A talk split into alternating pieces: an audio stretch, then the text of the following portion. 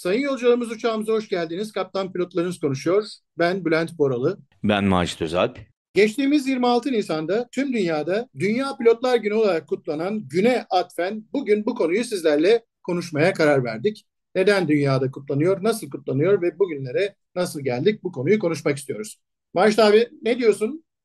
Niye kutluyoruz 26 Nisan'ı? Bülent'ciğim aslında niye kutlamayalım tabii ki değil mi? Çünkü bir tane günümüz var ve çok uzun yıllar olmadı bunun dünya çapında kutlanması. Tarihçesini sen daha iyi anlatacaksındır. Ama 2014'ten bu yana gerek Uluslararası Pilot Havayolu Pilotlar Federasyonu adı verilen İFALPA ve Avrupa Kokpit Birliği tarafından ECA adını verdiğimiz iki ünite tarafından kabul edilerek dünya çapında kutlanmaya başlandı. Ben mesela o kadar yıldır buradayım. İlk kez benim şirketim bizim günümüzü kutladı ve tanıdı. Bu çok güzel bir şey. Duyuruda bulundu. Bize e-postalar gönderdi teşekkür ettiğine dair. Ve hoş bir şeydi, hoş bir yaklaşım oldu. Tabii önümüzde uluslararası kabin memurlarının günü de var. Şimdiden onları da kutluyoruz. İnşallah aynı şekilde onlar da bu günlerini bizim gibi güzel kutlarlar. Tabii dinleyicilerimiz bu konuda çok fazla fikir sahibi olduklarını pek tahmin etmiyorum. Neden dünyada kutlanıyor 26 Nisan? Bununla ilgili biliyorsun senle biz özellikle sen abi 2000 yılların başlarında dünyada bu günün kutlanabilmesi amacıyla, Dünya Pilotlar Günü kutlanabilmesi amacıyla İFALPA nezdinde bir takım girişimlerde bulunmuştun. İstersen kısaca bir bize o tarihçeyi bir anlatıver. Direkt birinci ağızdan dinleyicilerimiz de dinlesinler.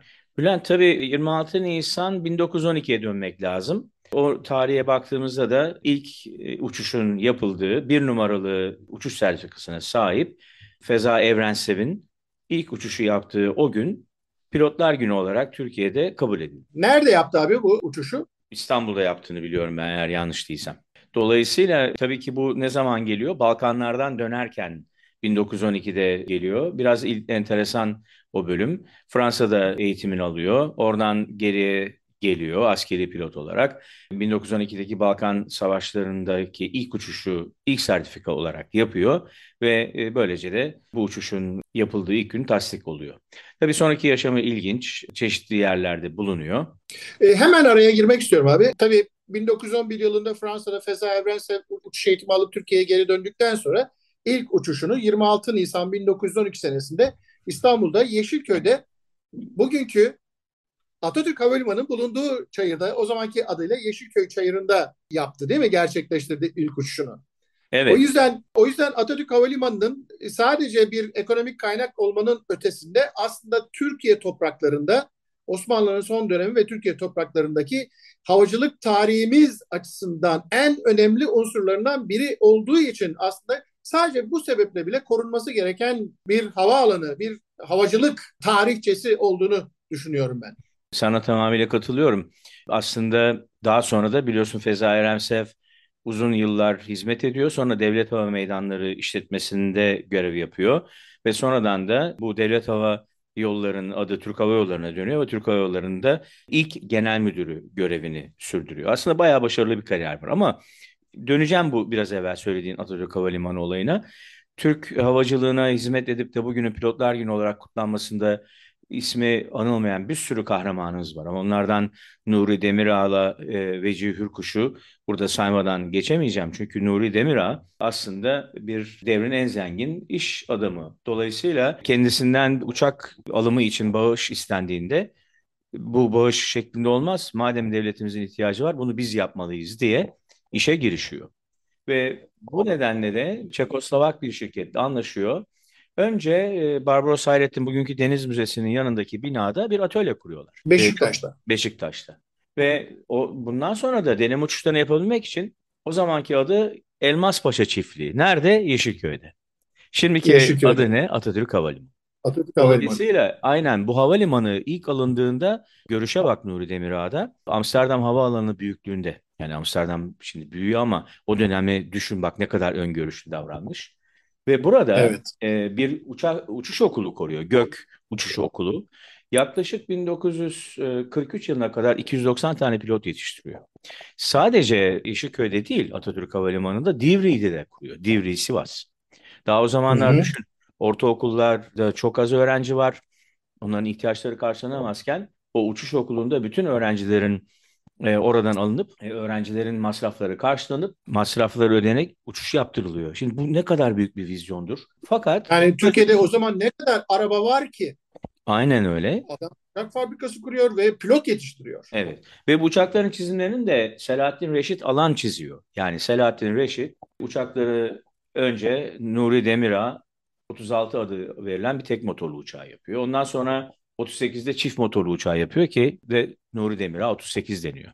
Bir aksilik oluyor. Havacılık çalışmalarına devam ederken aslında ilk yerli paraşütü de ürettiren biliyor musun Nuri Demirağ? Ya bu Hmm. çok büyük işler. Paraşütün Türkiye'de yapılması. Türk Hava Kurumu o zaman uçak sipariş veriyor. Bu arada da yurt dışına uçaklar satılıyor. Türk Hava Kurumu da istiyor. Eskişehir'e uçakların gelmesini ve orada son test uçuşlarının yapılmasını istiyor.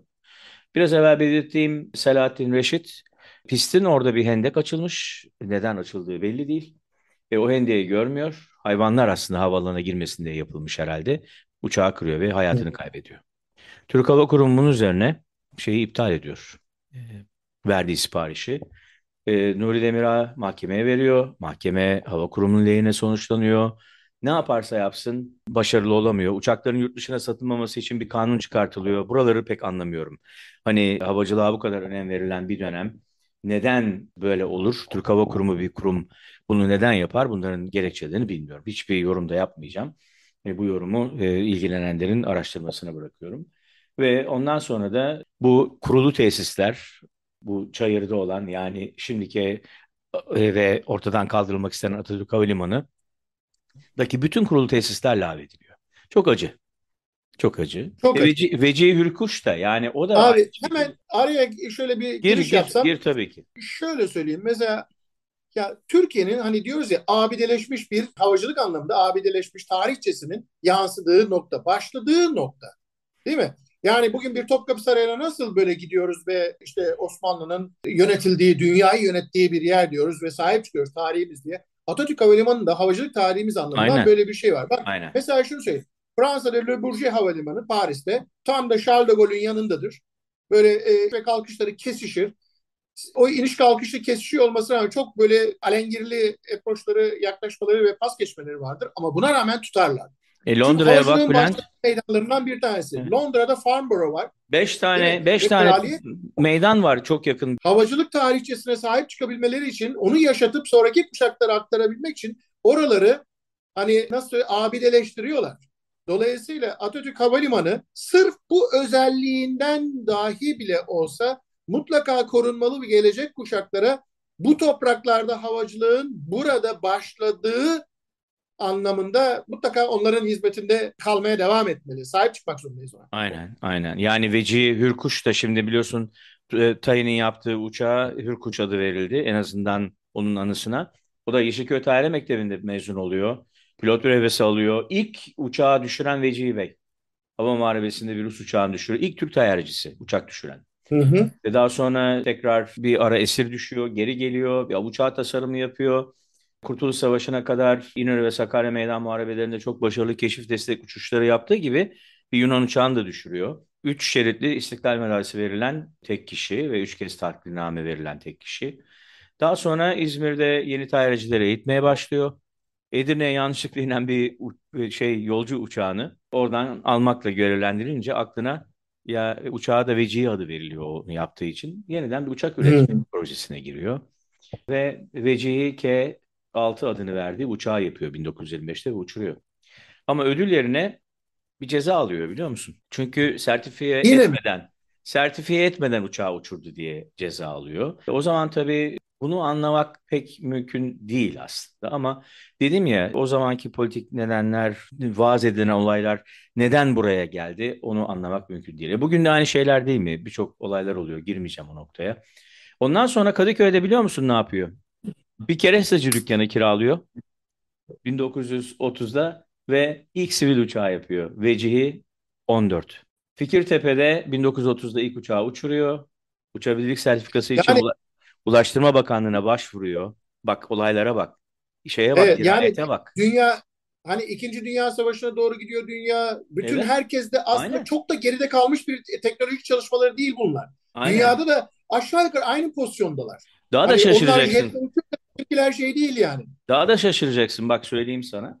Bu sertifikayı e, Türkiye'de verecek kimse olmayınca uçağı söküyor. Nedeni de teknik vasıflarını tespit edecek kimse olmadığından uçağın Çekoslovakya'ya götürülmesi için müsaade alıyor. Prag'a geliyor. Önce Çek diline çevriliyor, tercüme ediliyor, uçağın montesi yapılıyor, kontrolleri yapılıyor ve yaşasın Türk tayyareciyle yazılı bir pankartla onurlandırarak uçuş müsaadesini alıyor. Ondan sonra da 1931 Nisan'ında 25 Nisan dikkatini çekiyorum. Evet. Yani 26 Nisan hani Feza Evrensev'in uçtuğu.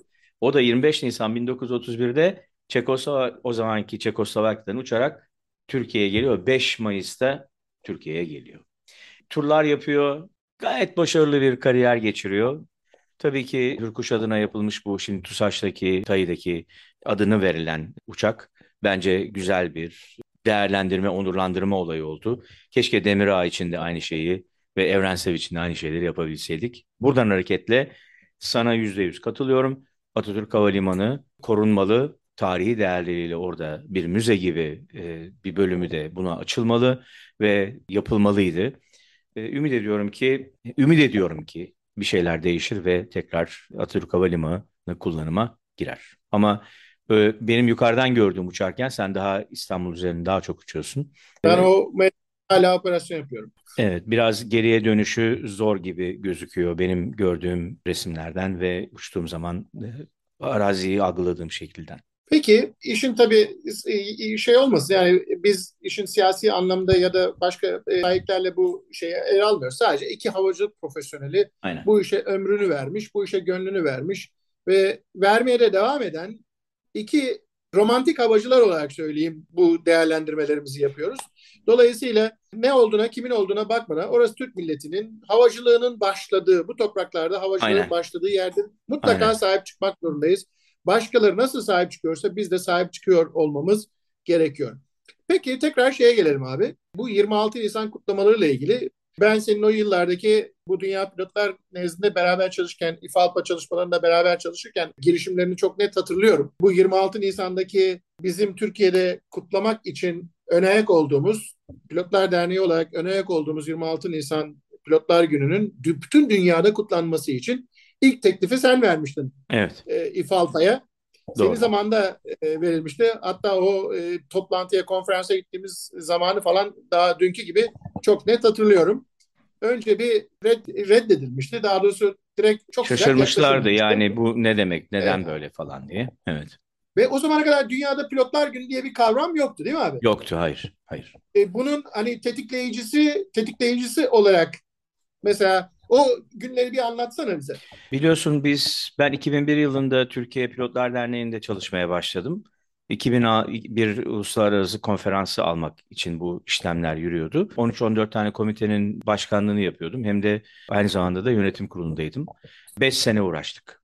Sen de biliyorsun çeşitli yerlerde gerçekten Türkiye'ye bu konferansı alabilmek için Ulaştırma Bakanlığı'nı da bu işe dahil ederek e, sivil havacılık nezdinde amaç şuydu.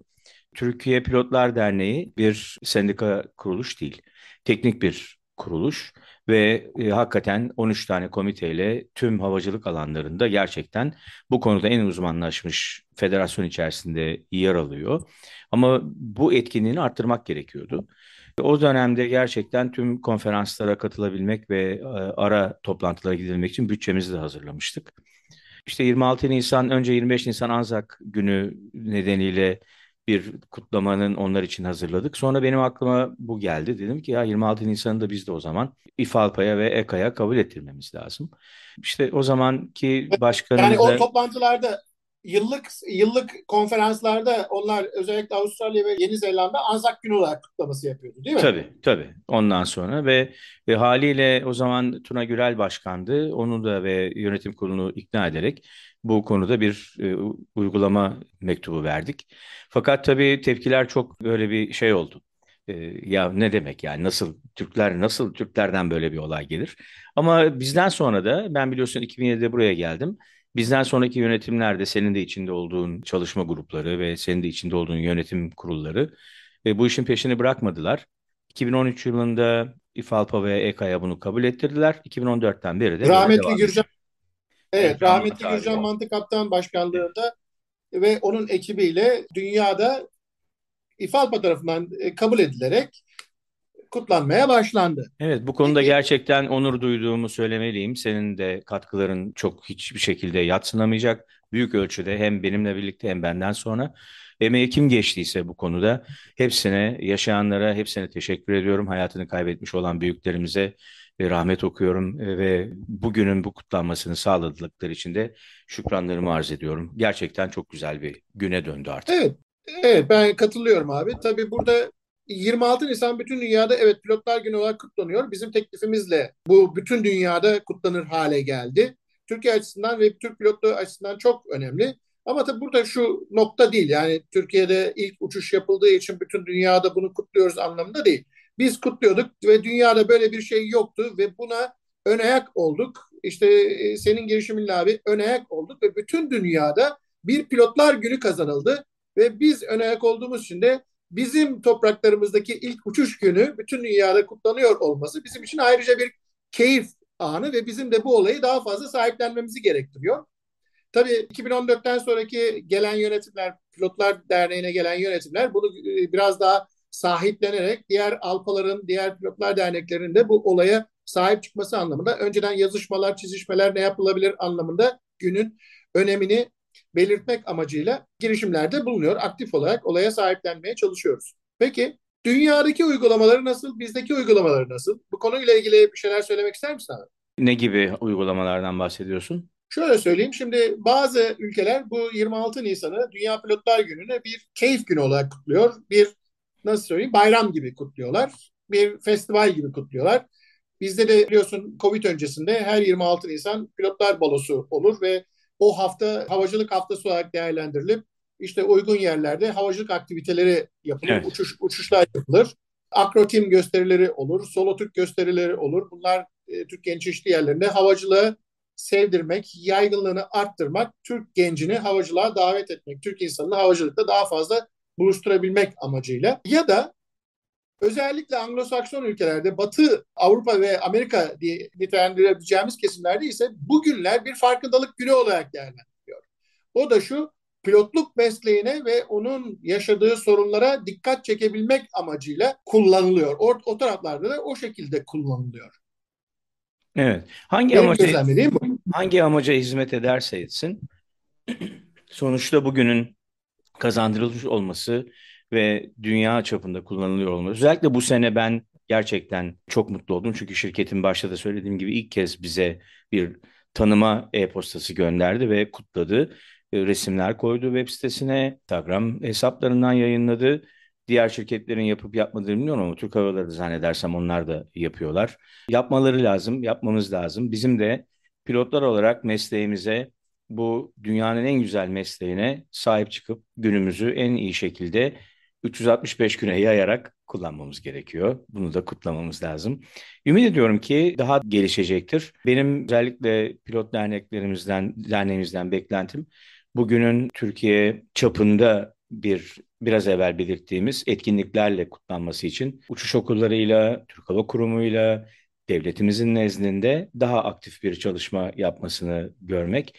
Eğer bu konuda bir destek isterlerse her zaman ben kendi adıma bu desteği vermeye hazırım. Aynen aynı şekilde Türkiye'den çıkıp tüm dünyaya yayılan ve pilotluk mesleğine dikkat çeken, onun farkındalığını artan bu günün aktivitelerin ve nasıl söyleyeyim değerinin giderek artması dileklerimle ben de kutlu olsun diyorum.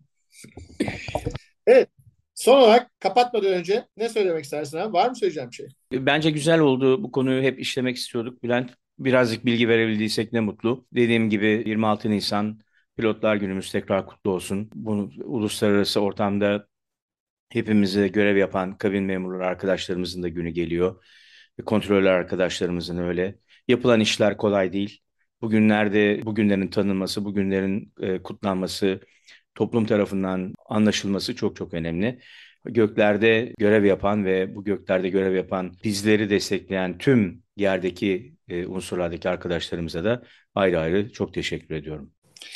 Evet ben de bir nolu pilot bürosu sahibi Feza Evrensev'in anısına ve adını burada sayamadığımız diğer bir sürü bütün havacılık geçmişimizi kuran büyüklerimiz, abilerimiz, hocalarımız, kıymetlerimiz adına Ben de bugünü kutluyor olmaktan dolayı gurur duyuyorum, mutlu oluyorum ve artarak da devam etmesi dileklerimle bütün paydaşlara, bütün ekiplerimize, bütün teknik kulesi, ATC'si, kabini, bütün arkadaşlara, herkese teşekkür ediyorum. Bu konuda e, son sözü şöyle kendi adıma söyleyeyim. Türk askeri ve sivil havacılığında verdiğimiz tüm hava şehitlerimizi ve diğer şehitlerimizi de rahmetle anıyorum. Önlerinde saygıyla eğiliyorum. Ailelerine sabırlar diliyorum tekrardan.